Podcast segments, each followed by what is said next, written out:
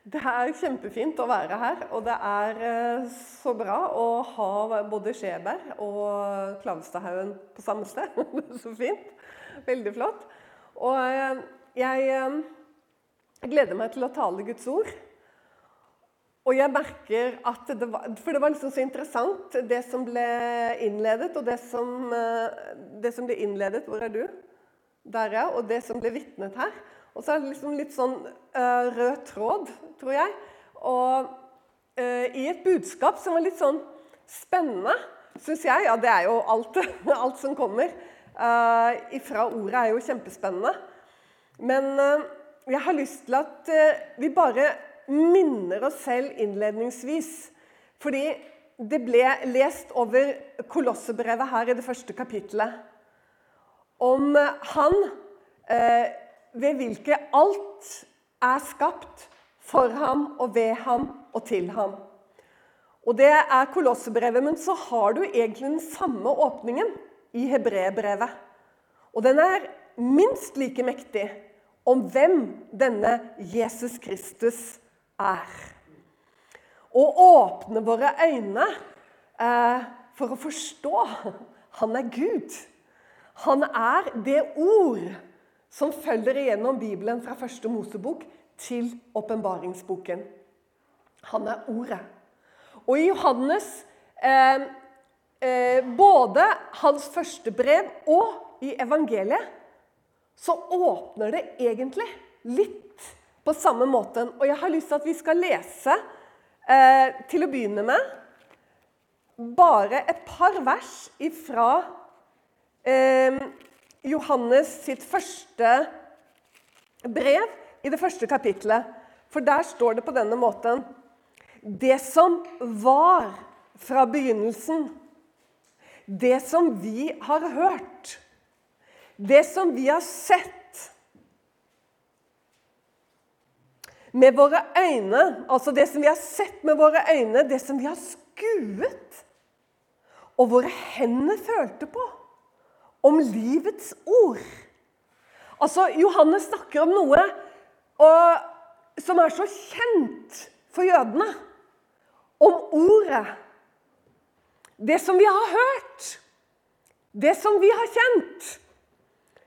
Men det er mer, for nå er dette livet i ordet, altså dette som har vært gjemt fra begynnelsen, det er blitt åpenbart. Og vi har sett det. Og vi vitner og vi forkynner dere livet, det evige, som var hos Faderen og ble åpenbart for oss. Og Den samme Johannes han åpner eh, sitt evangelium i det første kapittelet. Og så skriver han, helt i overensstemmelse med brevet, så skriver han i evangeliet I begynnelsen var Ordet. Og ordet var hos Gud. Og ordet var Gud.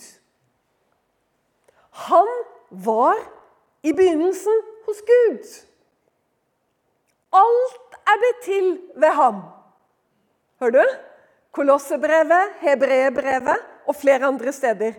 Alt er blitt til ved ham. Og uten ham er ikke noe blitt til av alt som er blitt til.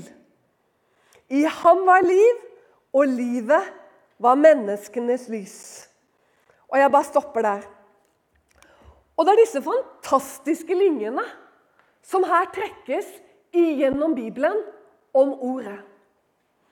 Og du vet at Johannes han er en av de som lever aller lengst av apostlene. Og antageligvis Dette bare nevner jeg fordi det er spennende.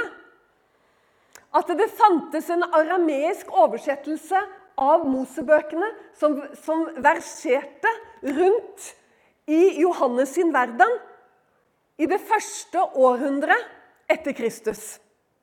Og der, du, er første Mosebok, første kapittel. Når det står om han som kom ned i hagen for å lete opp Adam og kvinnen etter syndefallet. Husker du det? Det står det at når dagen var sval, så kom han for å være sammen med dem. Og det det viser oss, det er det at det var et fellesskap og et samfunn fra begynnelsen mellom mennesket og Herren. Det var slik at de kunne ha fellesskap, for det fantes ikke synd. Så han kom til dem og var sammen med dem.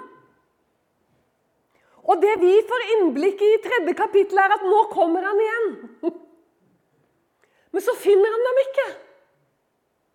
Og det er noen som gjemmer seg her. Og det er en grunn til at de gjemmer seg. For de er blitt redd for Gud. For nå er det kommet inn i verden som skiller mennesket fra Gud. Ikke slik at det var Gud som gjemte seg. Nei, det var mennesket som gjemte seg og var redd for å møte Gud.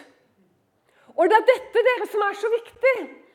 For Vi har så lett for å tenke liksom at når det står over synden, så er det så Gud med pekefingeren.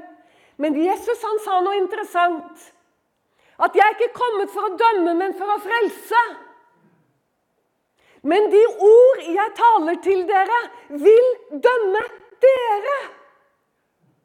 Og du ser nå hvordan med en gang når mennesket har syndet, så trekker de seg bort ifra Gud. Mens Gud roper, 'Adam, hvor er du?' Akkurat som du hører noe litt sånn desperat i Guds rop. Hvor er du? Og kommer Adam skjelvende ut.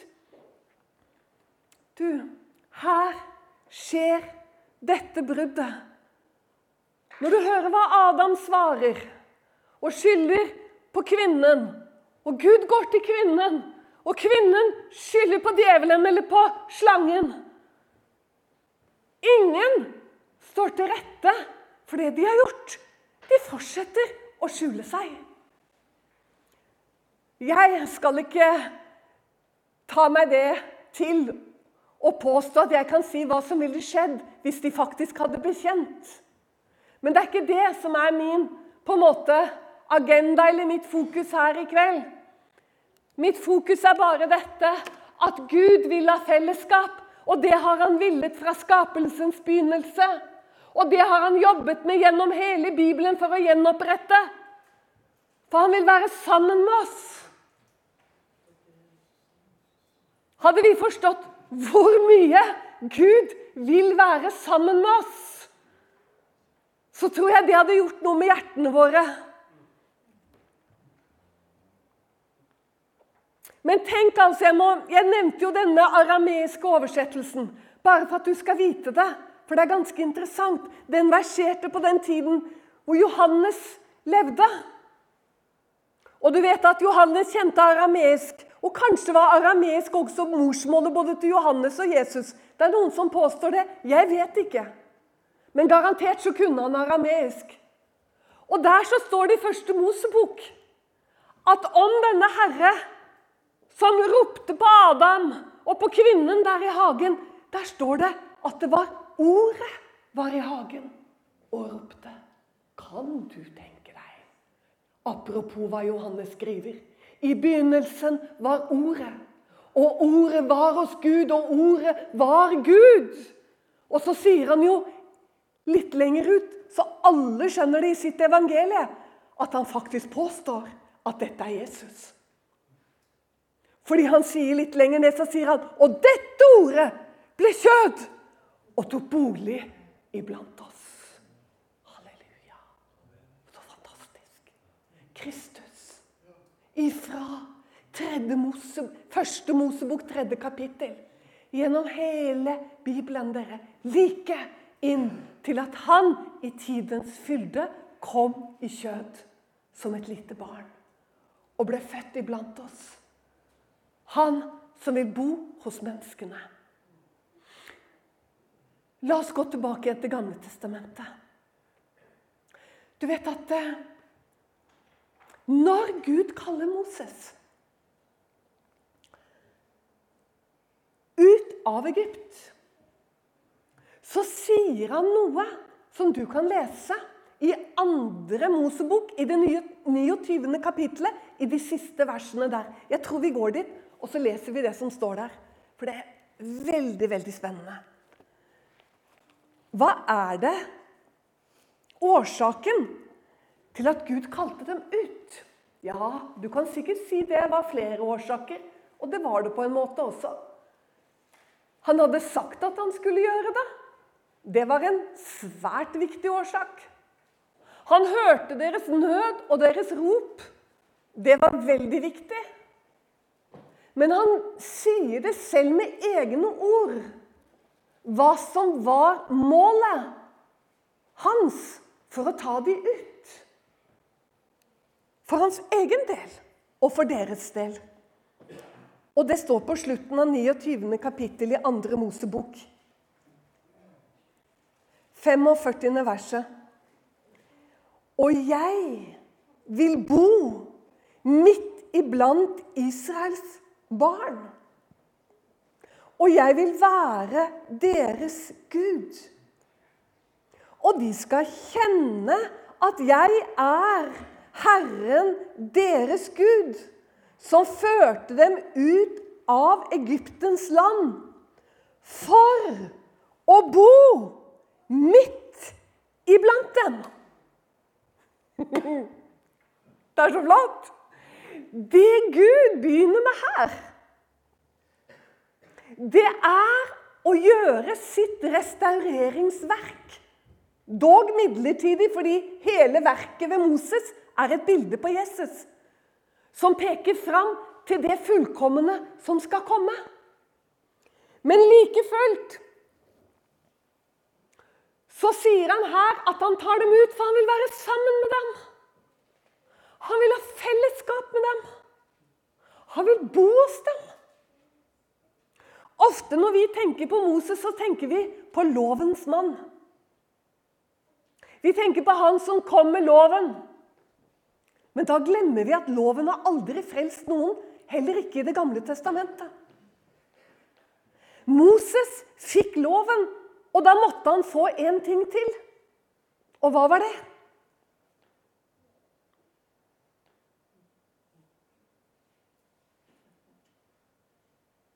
Moses ga dem loven. Eller Gud ga dem loven ved Moses. Hva måtte Gud mer gi da, når han ga dem loven som ville åpenbare synd? For det er jo det loven gjør, og det loven alltid har gjort. Den har aldri frelst.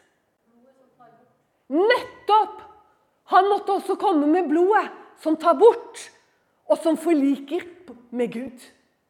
Derfor fikk Moses forordningen om å bytte det, om å, om å lage dette teltet. Hvor de skulle ofre Hør nå, du må følge med. Uskyldig blod.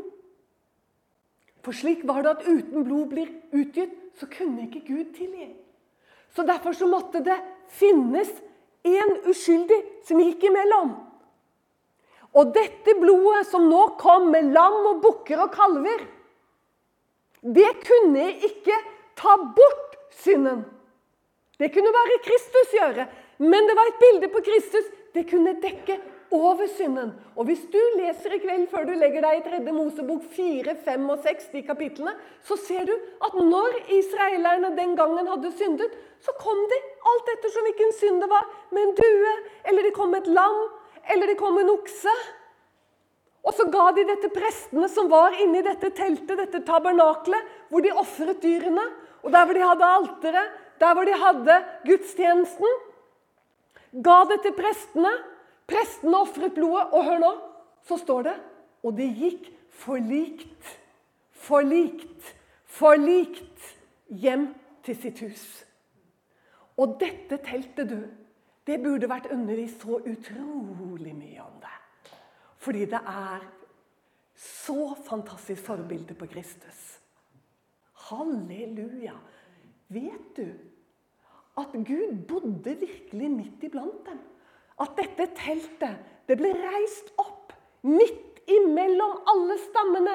De leiret seg i øst, de leiret seg i vest, de leiret seg i nord, og de leiret seg i syd. Tre stammer i hver himmelretning, og midt i hva? tabernaklet. Han ville bo midt iblant dem. Vet du at de også kunne se at han var der? Du, Han var der så tydelig at han lå der som en sky om dagen.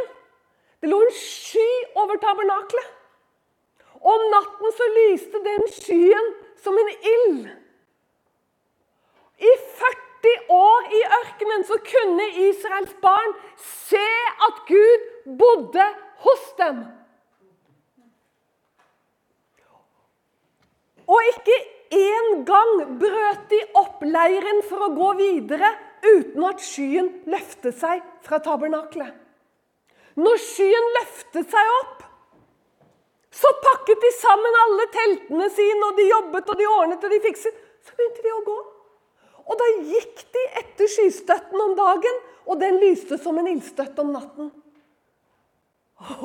Jeg tror ikke, etter Mange ganger så tenker jeg sånn Har vi lest det, liksom? Har har vi virkelig forstått?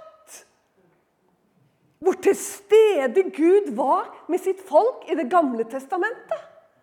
De kunne se det.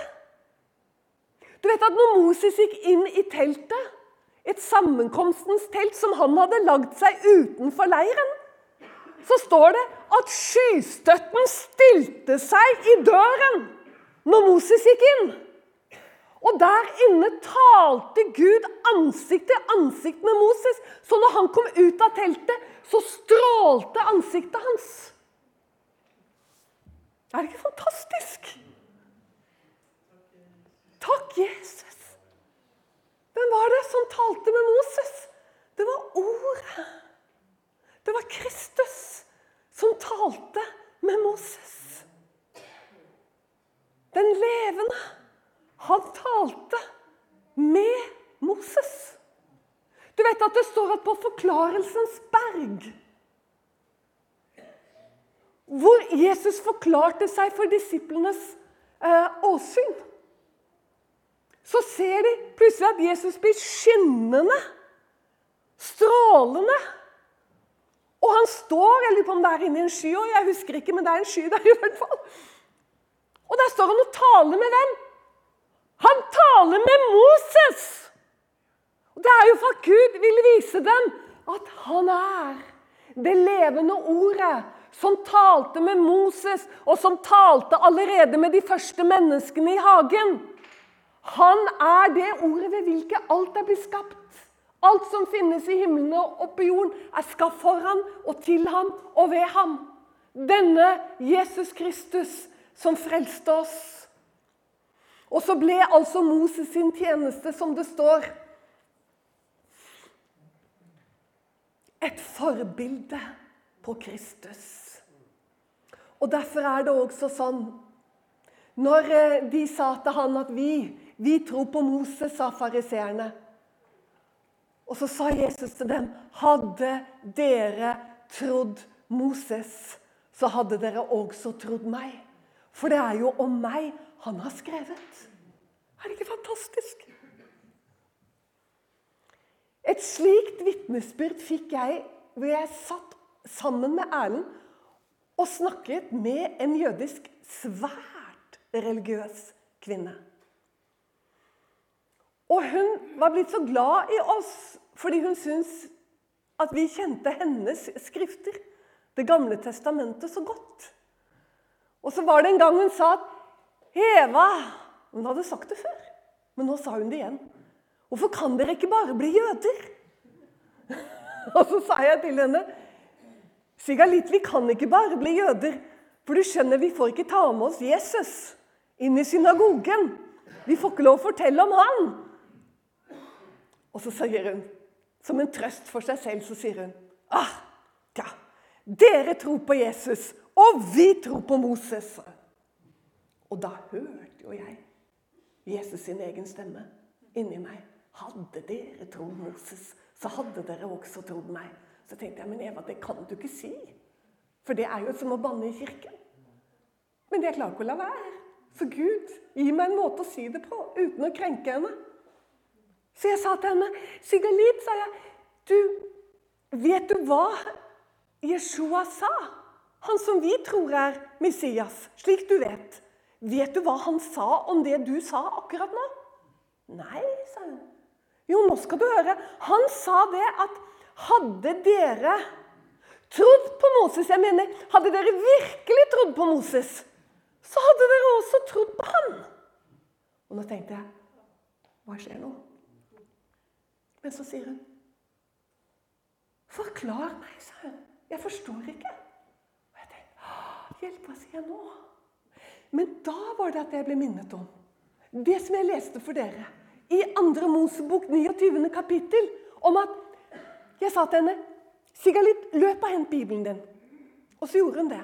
Og slå opp i 2. Mosebok kapittel 29. Og så gjorde hun det. Les på slutten der, Sigalit. Hva er det det står der om hvorfor Hvorfor var det at Gud kalte dere ut av Egypt? Hvorfor var det? Hun sa jo, men det var for å gi oss loven, sa hun. Nei, ikke vær så rask. Les hva som står der. Og så leser vi sammen akkurat disse ordene for å bo hos dere. Men Sigalit, er ikke det veldig interessant at det var ikke først og fremst loven? For da går du litt for fort fram. Gud sa at det var det at han ville, han ville bo hos dere. Og, og, og, og, du vet jo det at han bodde jo hos dere. Han bodde jo på blodets grunn. Han bodde jo i tabernakelet, i dette teltet, sammenkomstens telt, som dere kaller det. Han bodde jo der, på blodets grunn. For han vil jo bo hos dere. Det er jo det Gud vil. Han vil bo. Og da ble hun litt sånn urolig. Og det er jo ikke så rart, for de har jo ikke noe blod lenger. sant? Og jeg kjente at hvordan skal jeg tørre å gå videre fra dette? Og så sa jeg, men Sigalit, sa jeg det er jo det. Hvordan kan han nå bo hos dere når dere ikke har blodet og tempelet lenger? Dere har jo ikke noe blod lenger. Og da begynte hun liksom å kaste ballen tilbake. Ja, men hva med dere, da? sa hun liksom litt sånn, da. Og så sa jeg, men det er jo akkurat det, sa jeg. At vi tror jo det at alt dette med Moses og, og både tabernakel og tempelet pekte på Kristus. At han er jo det tempelet hvor det står i Skriften at han skulle bygge det opp igjen på tre dager. Det vet jo du òg. Vi tror at det er han. At han ga det blodet som bare Moses pekte på. Og du, da ble hun Hun fikk øyne som tinntallerkener. Og så sa jeg, og det er jo det som er så fantastisk, for derfor kan han bo hos oss. Og du skjønner, så Da kommer Den hellige ånd og flytter inn. Liksom Den hellige ånd bodde jo i tabernaklet, Sigalit. Du, det var helt fantastisk. Hun var bare Hun var helt målløs. Og det er jo det han vil. Han vil jo gi oss liv. Han vil jo bo på innsiden vår. Ah, Jesus sa at han vil gi liv og overflod av liv. For nå bor han ikke bare iblant, Sigalit. Han ønsker å komme helt inn i hjertet. For dette tempelet er jo bare et bilde på det tempelet han lagde seg på korset. Halleluja! Vi er hans tempel, virkelig. Du, bare tenk, Hva var det som lå inni det aller helligste inni denne arken? Har du tenkt over det? Hva var det som lå inni denne arken? Der lå steintavlene. Der lå manna fra himmelen. Og der lå denne staven som plutselig skjøt blomster og viste at den bar frukt. Hva var det for noe? Det var prestestaven. Halleluja, hva er dette for noe bilde på, da? Jo, det er det ordet som kom ned som det levende brød. Forstår du? Ordet kom ned og ble levende brød iblant oss. Det er jo det som skjedde i deg. Det er i hvert fall det som skjedde med meg. Du skjønner, En dag, og det er nå 32 år siden, så talte Jesus Kristus liv inn i meg. Ved at han talte levende ord, manna, fra himmelen. Skjønner? Det levende brødet som kom. Og har kommet til alle oss her, sikkert. og ga oss liv. Det ord Han talte fire ord inn i mitt liv, og jeg ble levende. Talte fire ord, blåste det inn i meg, og jeg ble levende. En ny skapning reiste meg opp. Hva gjør jeg nå? Jeg må ha en bibel. Og så må jeg finne noen kristne.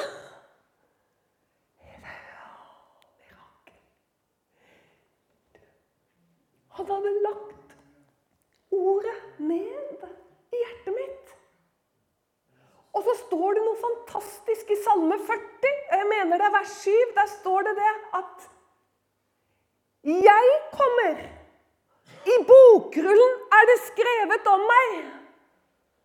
Og hva kommer han for? Det er Messias, vet du igjen. Han taler gjennom kong David. Jeg kommer i bokrullen, er det skrevet om meg.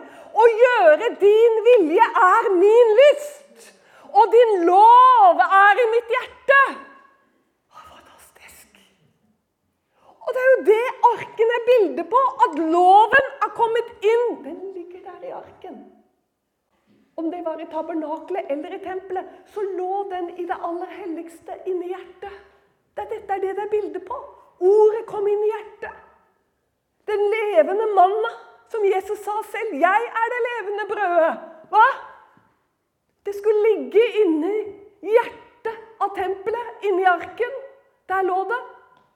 Og hva skjedde med meg når ordet ble blåst inn i meg? Jo, du Da var det frukt fordi det var liv. Da sprang det ut. Og sånn var det også med staven til Aron. Den var født av Gud. Hans tjeneste var født av Gud. Så Derfor så var det den staven som sprang ut og ble liv. Den skulle også ligge inni arken. Som bilde på hva da? Jo, på at ordet som kommer ned ifra himmelen, som kommer inn i hjertet, det er født av Gud, og det er det som er liv, og som bærer frukt. Hele åpenbaringen ligger inne i arken i Det gamle testamentet. Fantastisk. Halleluja, for en Gud. Så får David vite For skjønner, David var litt ute av kurs. Han trodde at Gud var veldig opptatt av bygninger gjort med menneskehender. For han så at alle de andre religionene rundt omkring hadde noen fantastiske praktiske gudshus. Og her er vi med dette usle teltet. Nei, det går jo ikke. Vi må jo, vi må jo få orden på tingene her. Og så må vi få bygget et fantastisk tempel for Gud. Og så sier han til profeten Natan Natan, jeg vil bygge et hus for Gud. Jeg skal bygge det mest fantastiske tempel som fins. Du kan lese dette i kveld før du legger deg. Du får litt å gjøre, da. Men du kan lese det i første krønikebok i kapittel 17. Så sier Nathan at 'Nathan, jeg skal bygge et hus'. Og Nathan syns dette høres så herlig ut. Og sånn kan jo vi jo være noen ganger. Vi er litt for raske på avtrekkeren, og så sier vi 'Halleluja, Gud er med deg, sett i gang', sier vi. ikke sant? Dette høres fantastisk ut. Og så går Nathan hjem, og så skal han eh, komme seg opp i sengen og tenker at nå skal han sove riktig godt, og så plutselig så kommer Gud. Og så sier han Nathan, skal David bygge et hus for meg? eh, ja. Nei. Og, vet, så er Gud morsom. Har, har, du sett i Bibelen at Gud kan være morsom? Han er det flere ganger. Og her er han skikkelig morsom. Vet du hva han sier for noe? Har jeg noensinne klaget? Hæ? Har jeg noensinne klaget på at jeg bare måtte bo i et telt? Har jeg sagt at det var for dårlig bolig? Nathan? Han kunne jo lagt til at det var dere som klaget. Men han er høflig, så han gjorde ikke det. Han sa bare at han aldri klaget over at han måtte bo i telt. For Gud hadde nå bodd i telt, hva?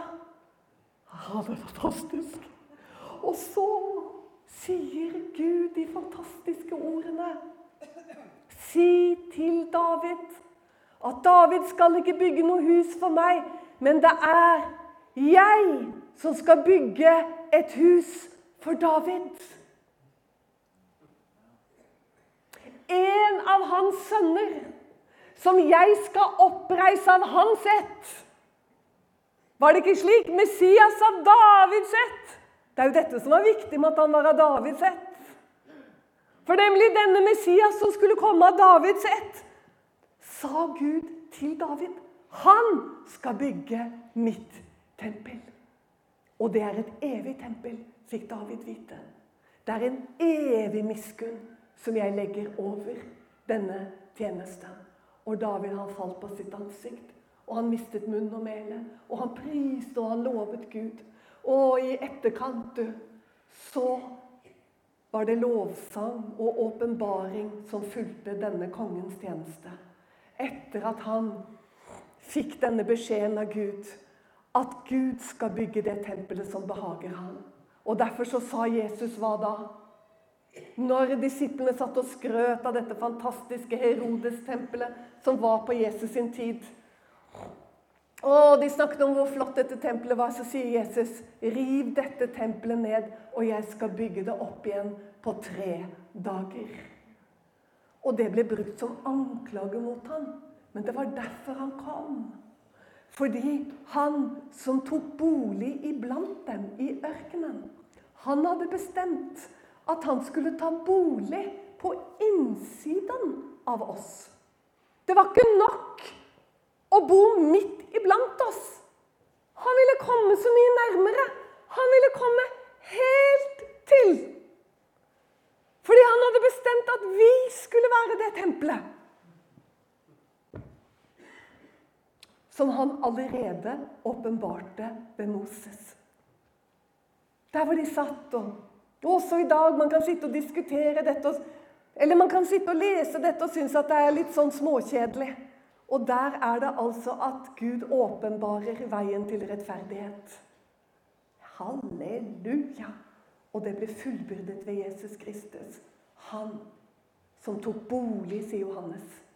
Ikke bare blant oss, men han tok bolig ved Den hellige ånd i oss. Han bor i oss.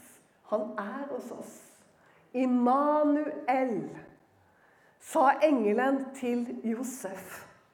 Han skal kalles Immanuel, og det betyr Herren med oss, eller Herren hos oss. Det syns jeg er enda finere. Herren hos oss. Halleluja. Han er hos deg. Han bor inni deg. Og det er slik det behager Jesus å bo. Han, han, har ikke noe behag i bygninger gjort av menneskehender. Han vil bo i et blodrenset hjerte. Det er bare der han kan bo. Tenk om vi hadde skjønt bare litt mer hva det betyr. At han bor i oss. Han er hos oss. Kan det være noe av grunnen når Peter ber oss om å kaste alle våre bekymringer på Han, så sier han dette her at det, overfor våre fiender og overfor alle de tingene som vi kan stå i som er vanskelig, så sier Peter, og faktisk Jakob også, stå han imot. Fast i troen. Og han skal fly fra dere, står det. Amen. Jeg syns det er så fint. Du kan bare stå. Du behøver ikke å løpe inn. Du vet at eh, Du trenger ikke å løpe inn i menigheten, liksom. Inn i et, eller flyke inn i en kirke eller et gudshus å ta tilflukt. Men du kan bare stå. For han er i deg. Han bor i deg. Så du kan bare få lov å stå han imot fast i troen. Halleluja. Paulus skrev til menigheten i Filippi Gled dere, atter vil jeg si, gled dere. Hvorfor? Jo, fordi Herren er nær, skriver han. Herren er nær. Han er så nær. Så når vi ber til han i våre lønnkamre, så kan vi noen ganger glemme at han bor i oss. Og da kan vi be ganske mismodige bønner. Å, Herre. Å, om du kunne Forstår du? Men Han er jo der i hjertet ditt. Og da må vi jo begynne med å takke ham. Herre, jeg takker deg fordi du alltid er nær. Og fordi du bor i meg.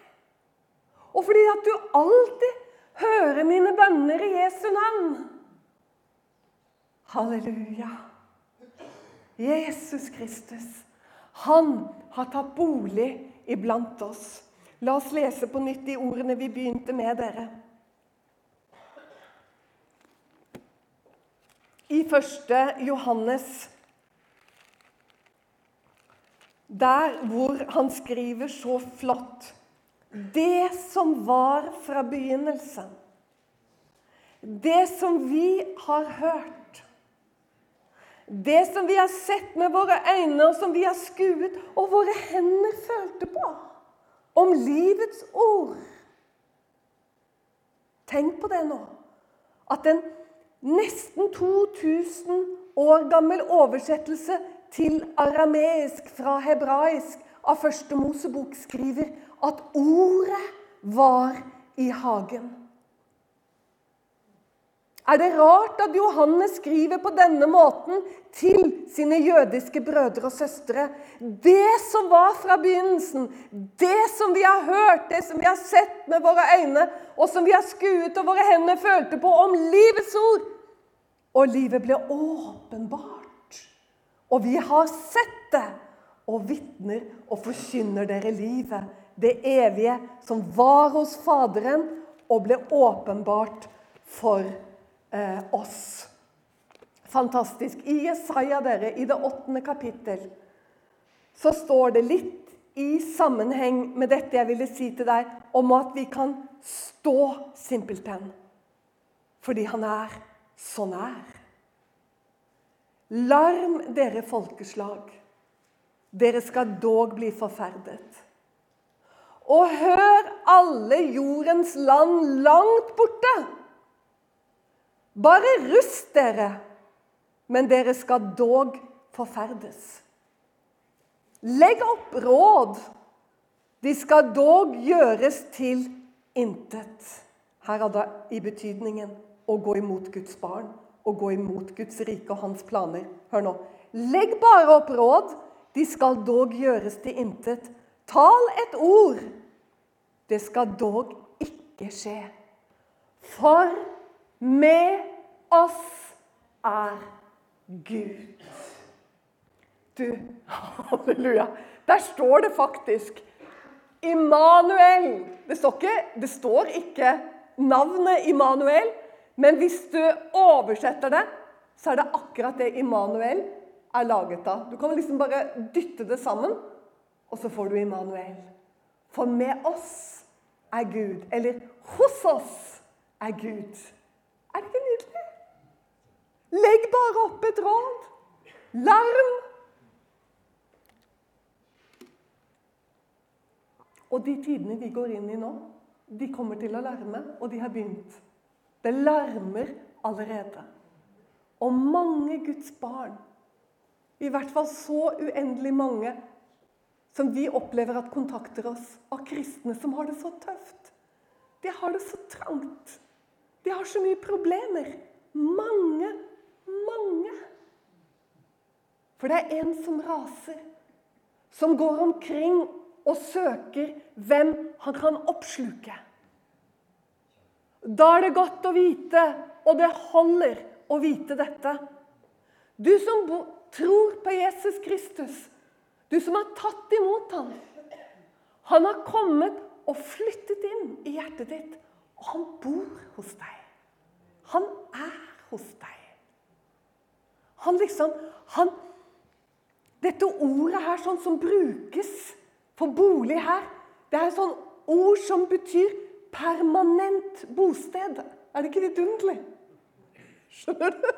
Det er liksom ikke en sånn Det er ikke hytteadressen din eller Spania-adressen din. Det er det permanente bostedet. Gud har slått seg ned i menneskehjertet for å bli der. Forstår du?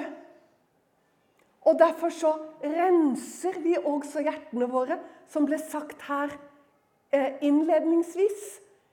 Vi må huske å rense hjertene våre. Sånn at, det, skjønner du, sånn at den boligen som er Guds bolig, det er jo hellig. Hele vårt legeme er hellig. Derfor sier Paulus at vi, vår gudstjeneste er å legge hele vårt legeme fram. Det er jo ikke rart, det, for han bor jo inni her. Og derfor så Rens hjertene, sier Jakob, og ble satt her også innledningsvis. Du må rense hjertet ditt. Sånn at ikke Jesus begynner å si Tormod! Jeg tenker Det er kanskje ingen som heter Tormod her, så derfor prøver jeg meg på det, så ikke noen skal føle seg støtt. Tormod, hvor er du? Erik, hvor er du? June! June! Sånn holder Den hellige ånd på. Hvis du begynner å skjære av, eller du sovner og blir sløv på veien, så begynner Den hellige ånd sånn. Det er ikke anklageren. Han jobber på en helt annen måte. Han snakker oppi her. Den hellige ånd, han taler inni her. Og han begynner å si sånn Kari! Hvor er du? For du skjønner, Det er ikke han som går ut av hjertet ditt når du synder. Han gjør ikke det like lite som han, han gikk ut av hagen. Han vil være sammen med deg. Forstår du? Så han går ikke ut. Men han begynner å rope. Og han roper nå både i menigheter og i enkeltpersoner. Fordi han ser at mennesker har problemer med å tro det han har sagt. Og når vi har problemer med å tro det han har sagt, da ligger synden like for døren. Forstår du? Sånn var det når Moses forsvant for dem. Så trodde de ikke lenger på det Moses hadde lært dem. Og så sa de han har vi stratt for å bli borte, la oss nå lage oss en kalv. En gullkalv. Og så begynner vi å tilbe dem. Det er det, skjønner du. Når vi slutter å tro det Gud har sagt, så er det en grunn til det. Det er fordi synden ligger ved døren. Det er jo ikke så farlig, er det da?